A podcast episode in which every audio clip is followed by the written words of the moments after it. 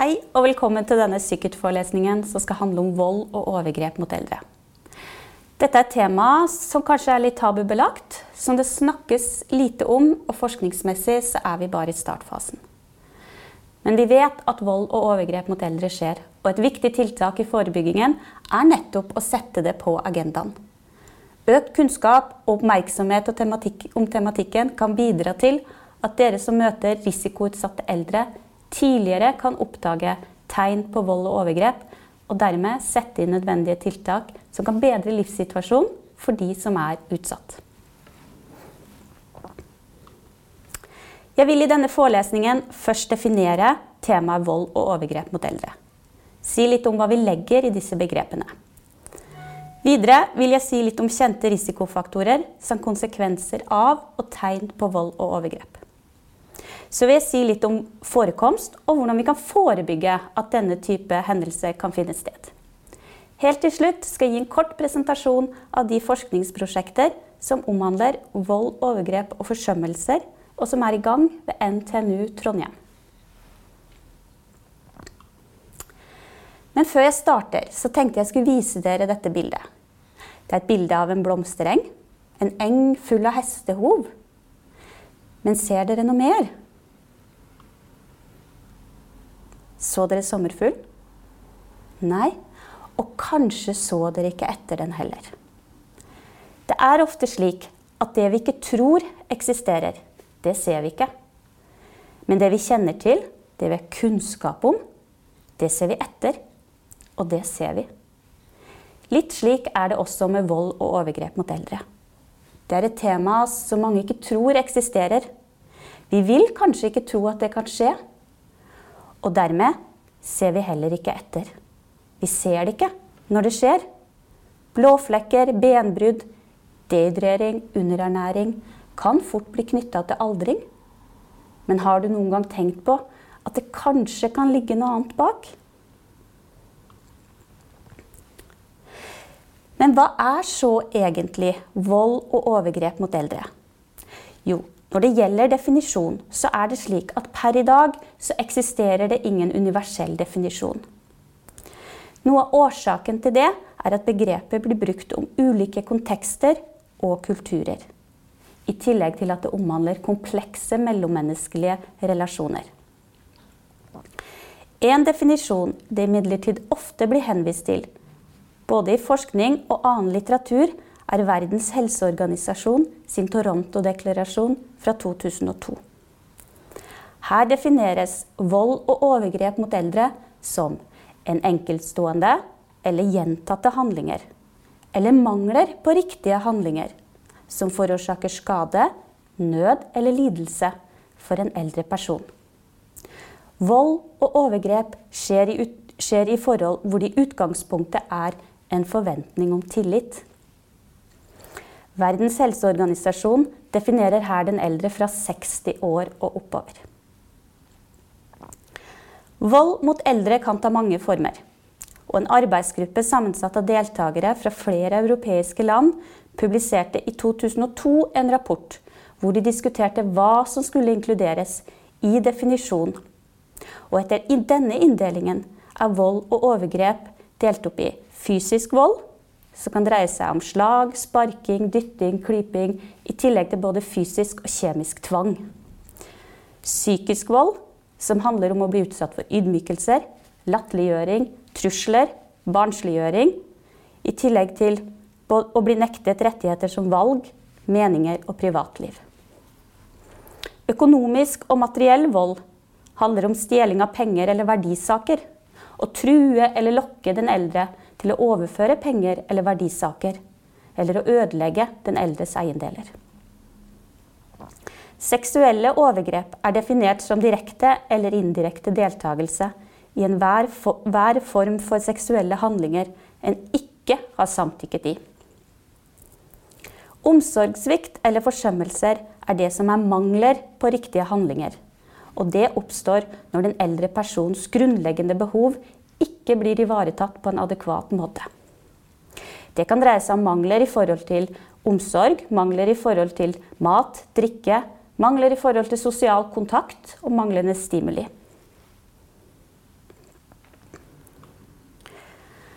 Vold mot eldre kan forekomme både i hjemmet og på institusjon.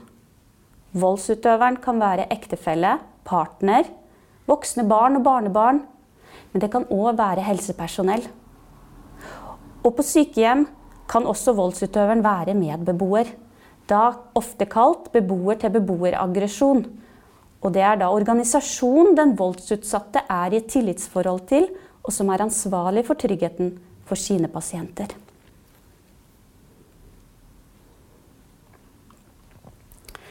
Når det gjelder risikofaktorer, viser forskning så langt at dette er et sammensatt og komplekst fenomen. Det omhandler ulike mellommenneskelige interaksjoner, sosiale og organisatoriske faktorer. Ulike risikofaktorer og forståelser vil også henge sammen med konteksten og kulturen som studeres. Videre kan det være ulike risikofaktorer knyttet til de ulike formene for vold, overgrep og omsorgssvikt. Men noen hovedmomenter er når det gjelder den utsatte, har man sett at personer med lavt sosialt nettverk og personer som tidligere i livet har vært utsatt for vold, overgrep og omsorgssvikt, har økt risiko for å bli utsatt i eldre år. Personer som er avhengig av hjelp fra andre, som har nedsatt ADL-funksjon, og personer med demens, vet man også har økt risiko. Man har også sett at risikoen øker hos personer med atferd og psykiske symptomer, og spesielt agitasjon. Når det gjelder overgriperen, finnes det dessverre onde mennesker. Men vi vet også at de fleste tilfeller av vold og omsorgssvikt skjer når mennesker som har omsorg for eldre, mangler kunnskap eller forståelse, eller når de føler seg fysisk eller psykisk utslitt og stressa. Man vet også at dersom det nære har et rus- eller alkoholproblem, øker risikoen. Relasjonen mellom overgriperen og den utsatte har man også sett er av betydning. Og ved konfliktfylte relasjoner kan det være en økt risiko for vold.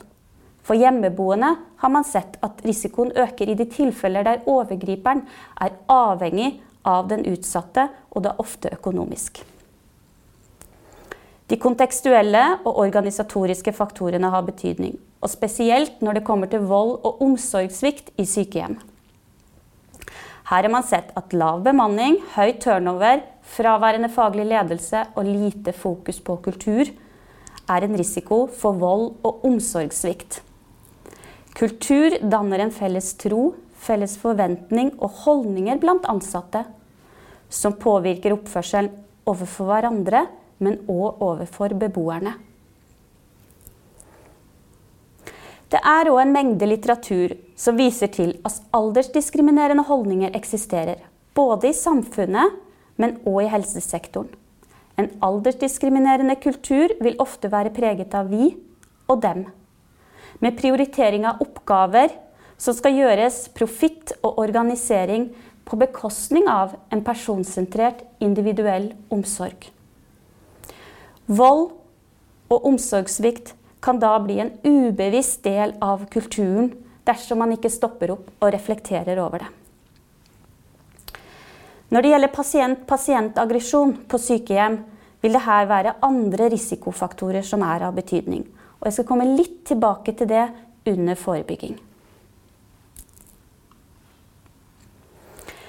Med bakgrunn i kunnskap om at personer med demens er i risikogruppen for å bli utsatt, har Carrie Burnite og Laura Moskeda i 2011 utviklet en teoretisk modell som illustrerer når i demensforløpet risikoen for de ulike typene vold er størst.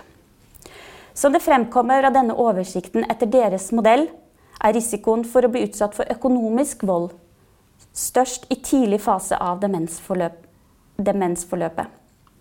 Etter hvert som sykdommen utvikler seg, atferdsmessige symptomer viser seg kanskje, og pårørende opplever økte omsorgsoppgaver eller konteksten for omsorg endres til sykehjem, har man sett at risikoen for fysisk vold øker. Omsorgssvikt er mest til stede i siste del av demensforløpet, hvor personen i mindre grad kan gi uttrykk for egne ønsker, valg og behov, og hvor da disse kan bli oversett av omsorgsgiver. Psykisk vold har man sett kan være til stede gjennom hele forløpet av demenssykdommen. Vold mot et menneske er et brudd på menneskerettighetene. Det har store helsemessige, sosiale og juridiske konsekvenser. Forskning har vist at sykelighet og dødelighet øker dramatisk, og livskvaliteten reduseres. Det vil også kunne medføre økt hyppighet av sykehusinnleggelse og innleggelse i institusjon, som f.eks. sykehjem. Konsekvenser og tegn hos den utsatte kan være angst, depresjon, søvnproblemer, konsentrasjonsvansker og dårlig hukommelse. Frykt, skyld og skamfølelse, dårlig selvbilde, isolasjon, i tillegg til både indre og ytre fysiske skader. Hvor vanlig er så vold og overgrep mot eldre? Jo, det vil avhenge av hvilken populasjon man studerer, hvilken definisjon og hvilket måleverktøy man bruker. Videre vil også forekomsten som presenteres avhenge av tidslinjen for målingen som er gjort. En av de vanligste måtene å kartlegge forekomst av vold og overgrep på sykehjem har vært med spørreundersøkelse til personalet, hvor man har spurt om observerte handlinger og utførte handlinger. Veldig få studier har spurt beboerne selv om deres erfaringer, noe som imidlertid er mer vanlig blant hjemmeboende. Men når det gjelder forekomststudier av vold og overgrep mot eldre, representerer nok de mange mørketall. For selv om det blir rapportert om tilfeller, er det mange tilfeller som ikke blir fanget opp. I Norge er det nylig gjennomført en forekomststudie om vold og overgrep blant hjemmeboende eldre. Denne studien ble utført av Sandmo og kollegaer fra Nasjonalt kunnskapssenter om vold og traumatisk stress, NKVTS, i 2017. I denne studien har man sett på opplevd vold og overgrep blant 2463 hjemmeboende personer over 65 år. Her fant man at den samlede forekomsten av opplevd vold og overgrep etter fylte 65 år var på mellom 6,8 og 9,2 blant de som deltok. Psykisk vold hadde høyest forekomst. En av de store studiene som har sett på forekomst på sykehjem gjennom spørreskjemaet til ansatte, er den irske studien av Drenman og kollegaer fra 2012. De fant at den samlede forekomsten av vold og overgrep som 1316 ansatte oppgir å selv ha utført mot beboere det siste året, var på 41% Omsorgssvikt var på hele 27,4% hvor den vanligste rapporterte omsorgssvikten var å ignorere en beboer når de ringte på. Det neste var å forsømme å følge en beboer på toalettet når de spurte om det. Men vi har også kjennskap til at dette forekommer på sykehjem i Norge. I 2009 publiserte Wenche Karin Malmedal en studie på forekomst av vold og overgrep hvor 616 ansatte var inkludert. Her rapporterte hele 87% at de en eller annen gang selv hadde utført vold, overgrep eller omsorgssvikt mot beboere på sykehjem. Hvor den vanligste var psykisk vold og omsorgssvikt. Når det gjelder vold og overgrep utført av medbeboere, gjorde Lax og kollegaer en observasjonsstudie kombinert med intervju av beboere i 2016. De inkluderte 2011 beboere som de fulgte over en måned. De fant at 20% av disse beboerne hadde opplevd minst ett tilfelle av vold fra medbeboer. Den vanligste formen var psykisk vold, etterfulgt av fysisk vold. Så, når det gjelder forebygging og avverging, hva kan vi så si om det? Evidensbaserte studier knyttet til vold og overgrep og forebygging er få. De studiene som er på området, viser også en svak metodisk tilnærming. Noe av årsaken kan være at det er utfordrende å måle effekt på et så sammensatt og komplekst fenomen. Overordnet deles, deles også forebyggingen ofte inn i tre nivåer. Primærforebygging, som handler om generelle tiltak rettet mot hele befolkningen. Det kan være kampanjer, lovgivning, fokus på opplæring av helsepersonell, andre tiltak som kan bidra til opplysning om temaet, og forebygging av aldersdiskriminering generelt i samfunnet.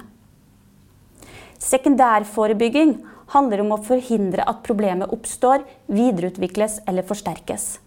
Innsatsen er nå i størst mulig grad rettet mot risikoutsatte personer. Her kan det dreie seg om avlastning til pårørende, opplæring, rådgivning og andre støttetiltak og undervisning.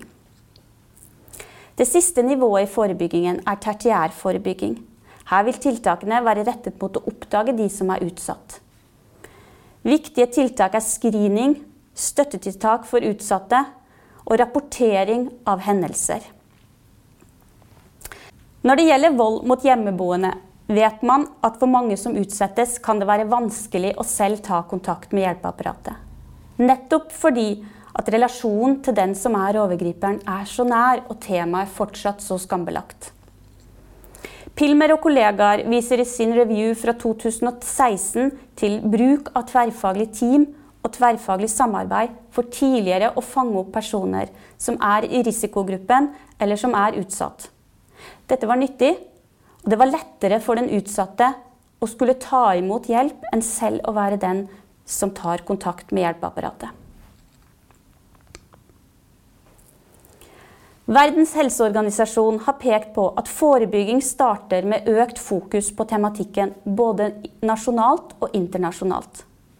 I Norge ble det med handlingsplan mot vold i nære relasjoner, opptrappingsplan mot vold og overgrep satt et økt fokus på vold og overgrep også mot eldre nasjonalt.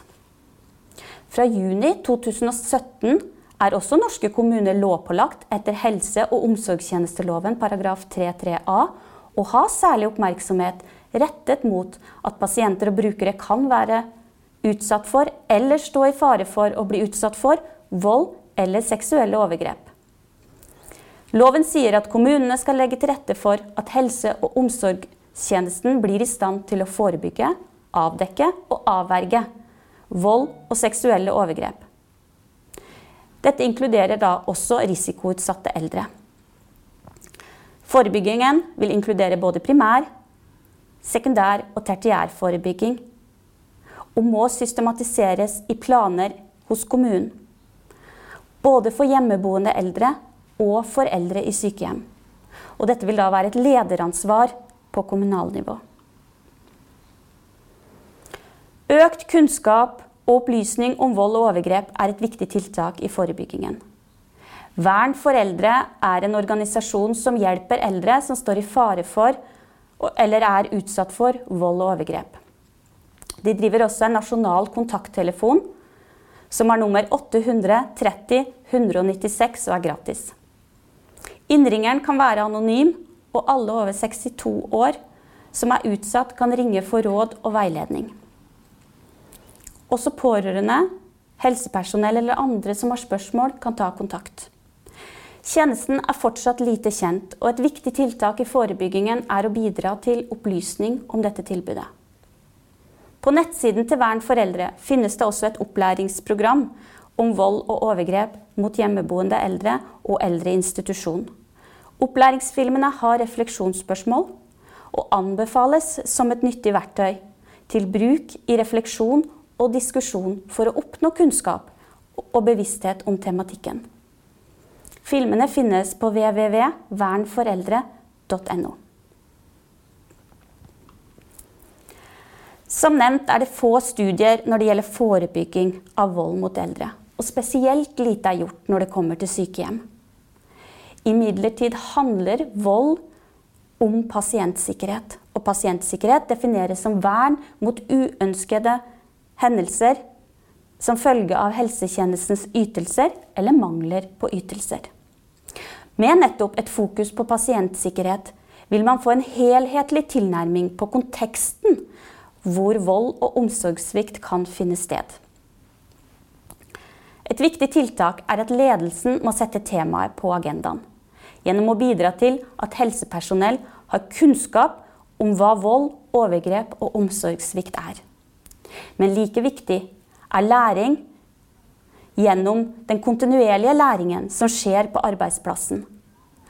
Arbeidskulturen handler om 'slik gjør vi det her'. Det er både holdninger og praksis.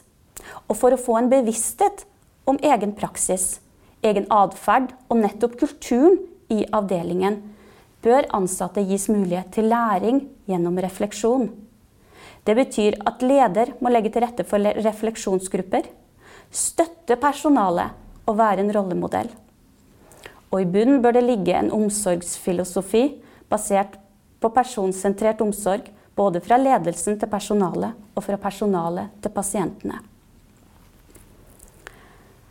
Det er også lovpålagt å rapportere om hendelser som medfører fare for pasienters sikkerhet, samt mangler på kvalitet og forsvarlighet. Ifølge helsepersonelloven paragraf 17, og dette kan ikke velges bort. Ved alvorlige kriminelle handlinger skal også politi og Helsetilsynet varsles. Men det viktigste ved rapporteringen er at leder følger opp meldingene, setter inn tiltak for å avverge og forebygge at det skjer igjen. Vi vet at denne type hendelser er underrapportert, men vi har lite kunnskap om hvordan ledere jobber i forhold til oppfølging av denne type hendelser. Systematisk arbeid med pårørende er også et viktig tiltak. Det vil kunne gi nyttig kunnskap om relasjon mellom pårørende og beboeren. Samtidig bidra til å tidligere oppdage tegn på vold, overgrep og forsømmelser. I tillegg er også samarbeid med pårørende et viktig tiltak for å fremme personsentrert omsorg. Men når det så gjelder pasient-pasient-aggresjon i sykehjem, er ofte årsaken til aggresjon her kompleks og sammensatt. En systematisk utredning og behandling av disse beboerne kan være et tiltak for å forebygge nettopp pasient-pasient-aggresjon. Med bakgrunn i kunnskap om at personer med demens og personer spesielt med utfordrende atferd også har høy risiko for selv å bli utsatt for vold og omsorgssvikt, vil det nettopp også av den grunn være viktig å sette inn gode tiltak for denne pasientgruppen. En norsk studie ved navnet TID, som står for tverrfaglig intervensjonsmodell ved utfordrende atferd ved demens, av Bjørn Listvarkt og kollegaer fra 2017, har vist at systematisk utredning og behandling av disse beboerne med felles refleksjon for personalgruppen kan bedre symptomene på agitasjon og bidra til å øke personalets opplevelse av mestring. Ved NTNU Institutt for samfunnsmedisin og sykepleie i Trondheim har vi nå en forskningsgruppe som jobber med nettopp denne tematikken vold, overgrep og forsømmelser i sykehjem. I denne forskningsgruppen er også Nasjonalt kunnskapssenter om vold og traumatisk stress, NKVTS Oslo, inkludert. Forskningsgruppen har fire stipendiater og fire prosjekter. Kort oppsummert er dette. Det skal gjøres en nasjonal forekomststudie om vold og overgrep i sykehjem. Ph.d.-stipendiat er Anja Bottengård, og hennes hovedveileder er Wenche Malmedal. Videre skal vi se mer på forebygging gjennom lederskapets betydning for å fremme pasientsikkerhet i sykehjem. Her er jeg ph.d.-stipendiat, og min hovedveileder er Sigrid Nakkrem. Så har vi en stipendiat ved navnet Stine Borgen Lund, som skal gå mer i dybden på fenomenet omsorgssvikt og forsømmelser. Hennes hovedveileder er også Wenche Karin Malmedal.